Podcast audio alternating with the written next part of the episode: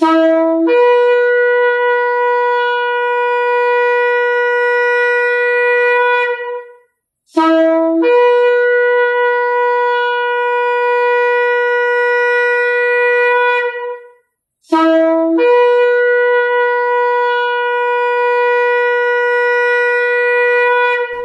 RPK yang dikasihi Tuhan di mana pun Anda berada. Shalom, Beshem, Yesua Hamasiah, salam sejahtera dalam nama Yesua Hamasiah, dalam nama Tuhan Yesus Kristus, Juru Selamat kita. Selamat mengikuti siaran Tekiah, telaah kata Ibrani Alkitabiah bersama Gembala Benyamin Obadiah, Ketua GKMI, Gereja Kehilat Mesianik Indonesia. Tekiah adalah cara peniupan shofar seperti yang didengar tadi. Siaran Tekiah dimaksudkan untuk menggali kebenaran Alkitab dari bahasa dan masyarakat Ibrani yang menjadi persemayan tumbuhnya iman Kristiani kita yang berasal dari tanah perjanjian Israel di Timur Tengah. Saudara dapat mengajukan pertanyaan ke 0812 9912 430. Shalom Pak Ben. Shalom Wira, Shalom sahabat RPK di mana pun Anda berada. Hari ini kita akan membahas kata sedek dalam bahasa Ibrani dieja sadi dalet kov dibaca sedek artinya kebenaran keadilan. Sedek keadilan kebenaran. Ulangan 16 ayat 20 Semata-mata keadilan itulah yang harus kau kejar. Ibraninya sedek sedek tirdof supaya engkau hidup dan memiliki negeri yang diberikan kepadamu oleh Adonai Elohimu. Ini merupakan kata-kata Mose di hadapan generasi baru Israel yang lahir di padang gurun 40 tahun sesudah ayah ibu mereka keluar dari Mesir. Generasi baru inilah yang akan memasuki dan hidup di tanah Kanaan yang dijanjikan oleh Adonai Elohim kepada Abraham, Ishak, dan Yakov, leluhur bangsa Israel. Mose berkata, Sedek, Sedek, Tirdof, kebenaran, kebenaran, kejarlah itu. Adonai ingin umatnya hidup dalam kebenaran, dalam keadilan, dan ia minta umatnya untuk mengejar hal itu. Dengan demikian mereka akan menciptakan tatanan masyarakat yang baru yang diperkenan Tuhan dan hidup berkelanjutan di tanah yang dijanjikan. Tuhan ingin ada masyarakat yang baru yang menggantikan masyarakat penyembah berhala yang menyembelih anak-anak mereka untuk menyenangkan berhala-berhala buatan tangan mereka sendiri. Namun kebenaran itu tidak datang dengan sendirinya. Karenanya melalui Moshe, Adonai memerintahkan umatnya untuk mengejarnya. Tuhan tidak menuntut umatnya langsung menjadi benar ataupun langsung menjatuhi hukuman Sebaliknya, mereka diminta untuk mengejar keadilan walaupun belum dapat meraihnya. Mose mengatakan, Tirdof, kejarlah. Artinya ada upaya yang kuat. Ada proses terus-menerus yang harus dilalui, terobsesi untuk memperoleh keadilan dan kebenaran. Tirdof bukanlah upaya yang kompromistis alias jalan separuh jalan atau asal jalan saja, tetapi berlari meraih kebenaran, mengejar kebenaran dan keadilan dengan sepenuh hati, bukan hanya di permukaan atau pencitraan semata. Ini termasuk membaca Alkitab dengan pikiran terbuka, objektif, bukan dengan memaksakan tafsir pribadi. Mengapa Moshe mengulangi kata sedek-sedek sebanyak dua kali? Bagi para rabi, ini mengandung lebih banyak makna. Setidaknya ada empat makna yang dapat diajukan. Pertama, perulangan itu menunjukkan bahwa kebenaran itu harus ditunjukkan dengan ucapan dan perbuatan. Bukan salah satu saja, tetapi keduanya dengan perbuatan dan ucapan. Rabi Ben Bahya mengatakan demikian. Bila salah satu saja yang dilakukan, maka ini akan mencederai diri sendiri atau orang lain kita harus benar dalam perkataan dan perbuatan. Dalam perbuatan dan perkataan. Keduanya harus benar. Tidak ada pembenaran bagi orang yang ucapannya kasar menyakiti, namun tetap mengklaim bahwa sesungguhnya hatinya baik. kebenarannya, hati yang baik akan mengeluarkan kata-kata yang baik juga. Kedua, umat Tuhan perlu berbuat benar di dunia ini, olam haseh, agar dapat membawa buah-buah kebenaran itu ke dunia yang akan datang, olam haba. Kita perlu mengerjakan keselamatan kita dengan takut dan gentar di olam haseh dunia sekarang agar kita menuai mahkota kehidupan di olam haba dunia mendatang.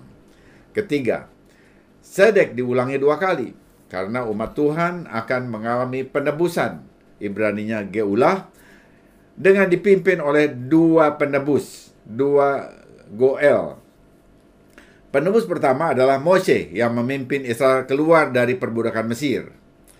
Penebus terakhir adalah Yeshua yang membawa Israel dan dunia keluar dari perbudakan dosa, merdeka dari kuasa dosa dan Satan. Bangsa-bangsa mendapatkan blueprint penebusan atau cetak biru penebusan pada penebusan pertama yang eksekusinya dilakukan oleh penebus terakhir yaitu Mesias Yeshua. Hal yang keempat, dari Artas Sedek diulangi dua kali, karena Mesias Israel akan datang dalam dua peran. Pertama kali sebagai Mesias ben Yosef yang menderita dan dihina. Kedua kalinya sebagai Mesias ben David yang datang dengan gada besi untuk menaklukkan bangsa-bangsa sehingga semua lutut bertelut dan lidah mengaku bahwa Yeshua adalah junjungan Tuhan bagi kemuliaan Bapa. Filipi 2 ayat 11. Terhadap aspek ini, Judaism modern dan Kristen modern mengambil aspek yang berbeda dari Mesias yang satu. Kristen modern menekankan Mesias yang menderita, yang disebut Mesias Ben Yosef oleh para rabi. Sebaliknya, Judaism modern menekankan Mesias yang memerintah, yang disebut Mesias ben David oleh para rabi. Keduanya benar, karena Mesias ben Yosef akan datang kembali sebagai Mesias ben David. Sesuai makna ayat ini, kedua umat, baik Kristen maupun Judaisme, harus adil dalam menyikapi kedua peran dari Mesias yang satu ini umat Kristen bangsa-bangsa perlu melihat bahwa Yesua akan datang kedua kalinya untuk menjadi Raja Israel yang memerintah sebagai Raja dalam kerajaan seribu tahun. Dalam kedatangan yang kedua, Yesus, Yeshua, bukan menjadi Raja Gereja. Karena tidak pernah ada gelar Raja Gereja dalam Alkitab. Ketika Mesias Yesua datang kembali, ia disebut Singa suku Yehuda, yaitu tunas David. Wahyu 5 ayat 5. Yesua, Yesus akan tetap dikaitkan dengan bangsa Israel. Di sisi lain, Yudaisme modern perlu membuka diri kepada Mesias yang menderita sesuai nubuat para nabi. Kedua segi ini secara empiris dapat dibuktikan pada saat Mesias ben David datang dan memerintah di Yerusalem. Semua akan tahu Siapa dia sesungguhnya? Umat Mesianik, Yahudi dan bangsa-bangsa percaya bahwa dialah sosok yang sama dengan Yeshua dari Nazareth yang telah menderita dan naik ke surga. Rasul Yohanan, murid Yeshua, menerima wahyu dari Ruah HaKodes, Roh Kudus, yang ditulisnya dalam Wahyu 5 ayat 1 sampai 5. Maka aku melihat di tangan kanan dia yang duduk di atas tahta itu sebuah gulungan kitab yang ditulisi sebelah dalam dan sebelah luarnya dan dimeterai dengan tujuh meterai. Dan aku melihat seorang malaikat yang gagah yang berseru dengan suara nyaring katanya, Siapakah yang layak membuka gulungan kitab itu dan membuka meterai-meterainya? Tetapi tidak ada seorang pun yang di sorga atau yang di bumi atau yang di bawah bumi yang dapat membuka gulungan kitab itu atau yang dapat melihat sebelah dalamnya. Maka menangislah aku dengan amat sedihnya, karena tidak ada seorang pun yang dianggap layak untuk membuka gulungan kitab itu ataupun melihat sebelah dalamnya. Bapa Surgawi memegang sebuah gulungan kitab yang dimeteraikan dengan tujuh meterai Tujuh meterai menyatakan kesempurnaan yang menuntut hanya sosok yang sempurna yang dapat membukanya. Tidak ada yang dapat membukanya. Abraham, Mose, David tidak dapat membukanya. Yohanan sampai menangis melihat kenyataan ini. Tetapi seorang dari tua-tua yang hadir di hadapan tahta Bapa berkata, "Jangan engkau menangis. Sesungguhnya singa dari suku Yehuda, yaitu Tunas David, telah menang sehingga ia dapat membuka gulungan kitab itu dan membuka ketujuh meterainya. Sesungguhnya apa yang dilihat Yohanan? Apakah ia melihat citra sunga, singa suku Yehuda? Selanjutnya Wahyu 5 ayat 6 menyatakan Yohanan melihat di tengah-tengah tahta dan keempat makhluk itu dan di tengah-tengah tua-tua itu berdiri seekor anak domba seperti telah disembelih bertanduk tujuh dan bermata tujuh, itulah ketujuh roh Elohim yang diutus ke seluruh bumi. Anak domba itu dan menerima gulungan kitab itu dari tangan dia yang duduk di atas tata itu. Luar biasa. Ternyata sekalipun yang dinyatakan singa suku Yehuda yang dapat membuka kitab bermeterai tujuh itu yang datang kepada Bapa Surgawi untuk menerima gulungan kitab itu adalah anak domba yang merujuk kepada Yesua, Mesias ben Yosef yang mati disalib sebagai anak domba pesak kita. Jadi bagaimana kesimpulannya? Kesimpulannya, singa Yesuku Yehuda itu tidak lain dan tidak bukan adalah anak domba pesak yang telah disembelih dan Raja Mesias yang disebut Masiah ben David dalam Yudaisme tidak lain dan tidak bukan adalah Masiah ben Yosef, Yeshua dari Nazaret. Jadi Masiah ben Yosef, Mesias yang menderita sampai disalib dan dikenal Kristen bangsa-bangsa dan Masiah ben David yang memerintah yang dikenal oleh umat Yahudi dalam Judaism ternyata merupakan sosok Mesias yang sama dan satu. Mesias menyatakan diri dua kali. Yang pertama sebagai Mesias yang menderita dan yang kedua sebagai Mesias yang memerintah. Baru Hashem, diberkatilah namanya. Ini pewahyuan dari kitab Yehudi yang ditunggu baik oleh bangsa-bangsa maupun umat Yehudi sendiri. Selanjutnya, mari kita baca kelanjutnya tentang Yesua dalam gambaran anak domba pada Wahyu 5 ayat 8.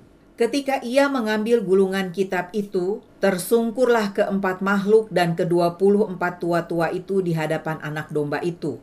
Masing-masing memegang satu kecapi dan satu cawan emas penuh dengan kemenyan. Itulah doa orang kudus. Ayat 11 sampai 14 maka aku melihat dan mendengar suara banyak malaikat sekeliling tahta, makhluk-makhluk dan tua-tua itu, jumlah mereka berlaksa-laksa dan beribu-ribu laksa. Katanya dengan suara nyaring, Anak domba yang disembelih itu layak untuk menerima kuasa dan kekayaan dan hikmat dan kekuatan dan hormat dan kemuliaan dan puji-pujian. Dan aku mendengar semua makhluk yang di sorga dan yang di bumi dan yang di bawah bumi dan yang di laut dan semua yang ada di dalamnya berkata, bagi dia yang duduk di atas tahta dan bagi anak domba adalah puji-pujian dan hormat dan kemuliaan dan kuasa sampai selama-lamanya. Dan keempat makhluk itu berkata, Amin.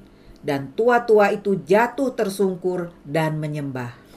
Dahsyat penglihatan wahyu ini.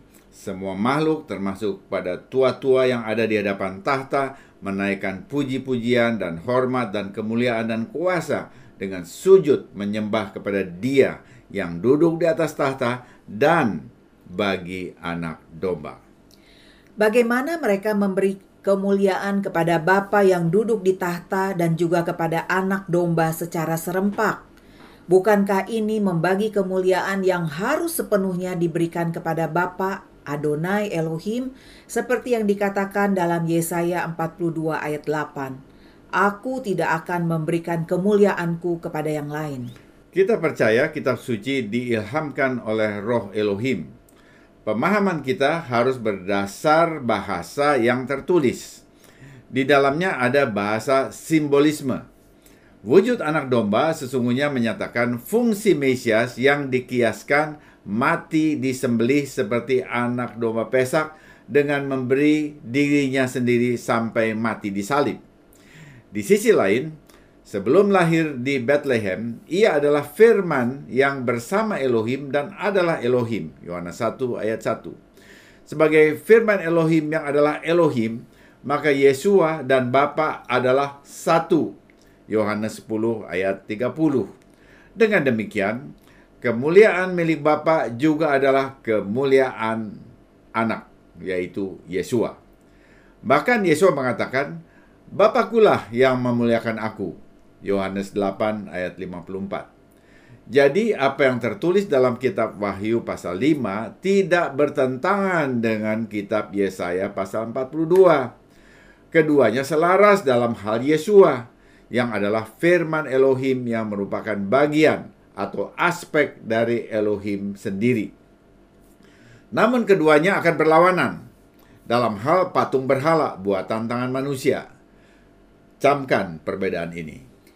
Jelas, Yesua bukanlah patung buatan tangan manusia, tetapi firman Elohim yang bukan diciptakan, tetapi merupakan bagian integral dari Elohim itu sendiri. Karenanya tidak ada sedikit pun kemuliaan Bapa yang dikurangi oleh Yesua. Dalam keadaan Bapa dan Anak adalah satu, kemuliaan Bapa adalah juga kemuliaan Anak. Baik, kita kembali ke Sedek, keadilan dan kebenaran. Sedek secara lengkap harus diterapkan dalam komunitas atau masyarakat. Bagaimana kita dapat menerapkan konsep sedek, keadilan, kebenaran dalam masyarakat kita? Ya, ini pertanyaan yang relevan. Torah berbicara tentang cara hidup umat Tuhan di bumi. Tuhan ingin umatnya menjadi umat yang membawa keadilan di bagian bumi ini, baik di Israel maupun di Indonesia. Khususnya bila kita ingin Indonesia diberkati oleh Adonai Elohim. Kita perlu berdoa agar pemerintah Indonesia menegakkan keadilan dan kebenaran di negeri ini. Keadilan bila dilakukan secara parsial dapat juga merugikan pihak yang tak berdaya. Bagaimana keadilan dapat dijalankan dengan bermartabat? Perintah Tuhan dalam Torah itu ditujukan untuk diterapkan dalam komunitas, dalam masyarakat di bumi ini, bukan di surga nanti. Karenanya, prinsip Torah perlu dapat dilihat dalam kehidupan masyarakat. Dalam penerapan di masyarakat, prinsip keadilan atau sedek dalam Torah perlu dikombinasikan dengan prinsip belas kasihan atau mercy atau chesed dalam bahasa Ibrani. Baik keadilan maupun belas kasihan merupakan sifat hakiki Tuhan. Para rabi mengabarkan Tuhan sendiri perlu menyeimbangkan ketegangan yang muncul antara keadilan dan belas kasihan, antara sedek dan chesed saat ia menciptakan dunia. Dengan keadilan yang ketat semata, dunia tidak dapat bertahan karena dihuni oleh manusia-manusia yang tidak sempurna.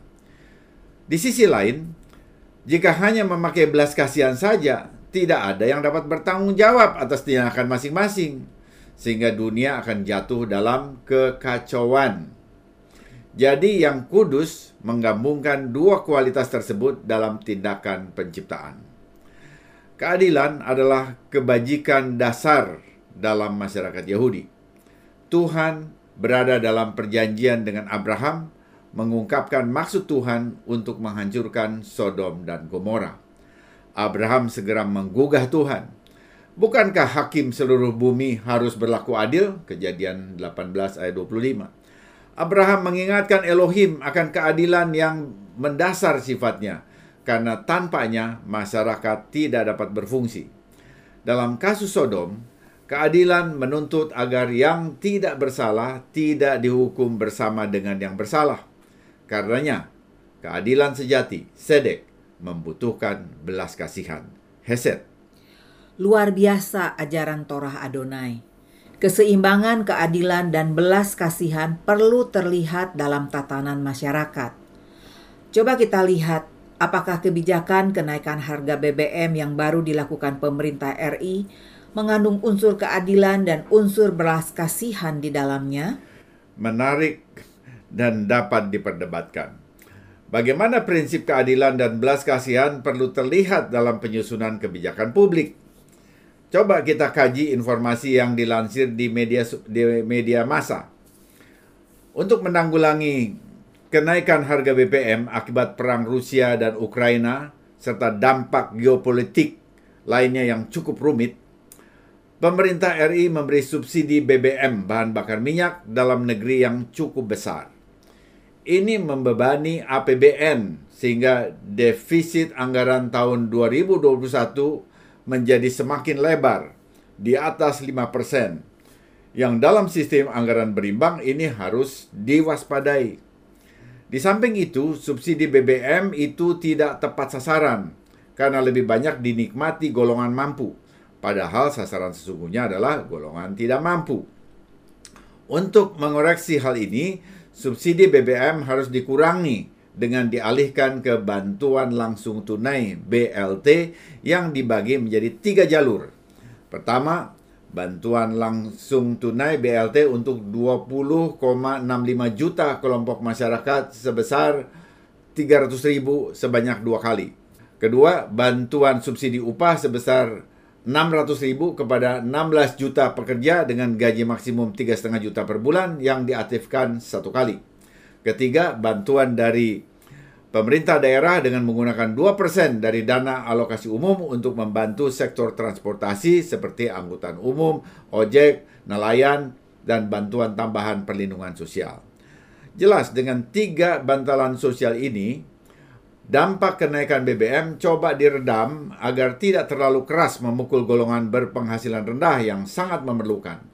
Ini menunjukkan bahwa pemerintah RI cukup mempunyai pertimbangan keadilan dan belas kasihan dalam membuat kebijakan publiknya. Bukankah kebijakan ini akan memicu inflasi yang dialami seluruh masyarakat? Benar, inflasi akan terjadi. Kita semua terkena. Dampak ini yang harus diredam juga oleh pemerintah dengan menetapkan standar kenaikan harga yang wajar. Ini pekerjaan rumah bagi pemerintah akibat kebijakan yang diambilnya. Namun dari segi kebijakan, walaupun tidak sempurna, pemerintah RI sudah berupaya untuk membantu lapisan masyarakat miskin. Pelaksanaannya juga harus tepat, jangan ada korupsi agar dana bantuan itu sungguh-sungguh sampai ke masyarakat miskin yang memerlukannya. Dana sudah dialokasikan pemerintah. Harap saudara mengecek kepada RT RW setempat bagaimana mengikuti prosedur pemanfaatan bantalan sosial bagi masyarakat yang memerlukan. Kita doakan agar pelaksanaan bantalan sosial itu tepat sasaran guna mewujudkan sedek, heset, keadilan yang berbelas kasihan di Indonesia. Kita juga berdoa agar situasi dunia membaik, harga-harga dapat terkoreksi kembali. Semoga siaran ini memberkati saudara. Informasi bagi saudara. Ibadah Syabat Ibrani Mesianik disiarkan secara live streaming di YouTube setiap Sabtu jam 10 waktu Indonesia Barat. Untuk mendengar ulang semua program Tekia, kunjungi dan subscribe channel Kehilat Mesianik di YouTube. Sesudah narasi ini kita akan mendengar lagu King of Kings dari Hillsong. Dalam kegelapan, dalam perjuangan, kami menunggu dengan harapan akan Raja yang datang, Raja atas segala Raja. Dalam situasi sulit sekalipun, dalam iman, Yesua, Sang Raja Mesias, tetap beserta kita. Dialah Immanuel, Elohim beserta kita. Amin. Tiba saatnya saya penatua Ira Obadiah dan Gembala Benyamin Obadiah mohon diri dari ruang dengar saudara. Sampai jumpa pada siaran mendatang. Yesua keselamatanku, Torah kesukaanku, menuju kepenuhan bangsa-bangsa. Shalom, shalom.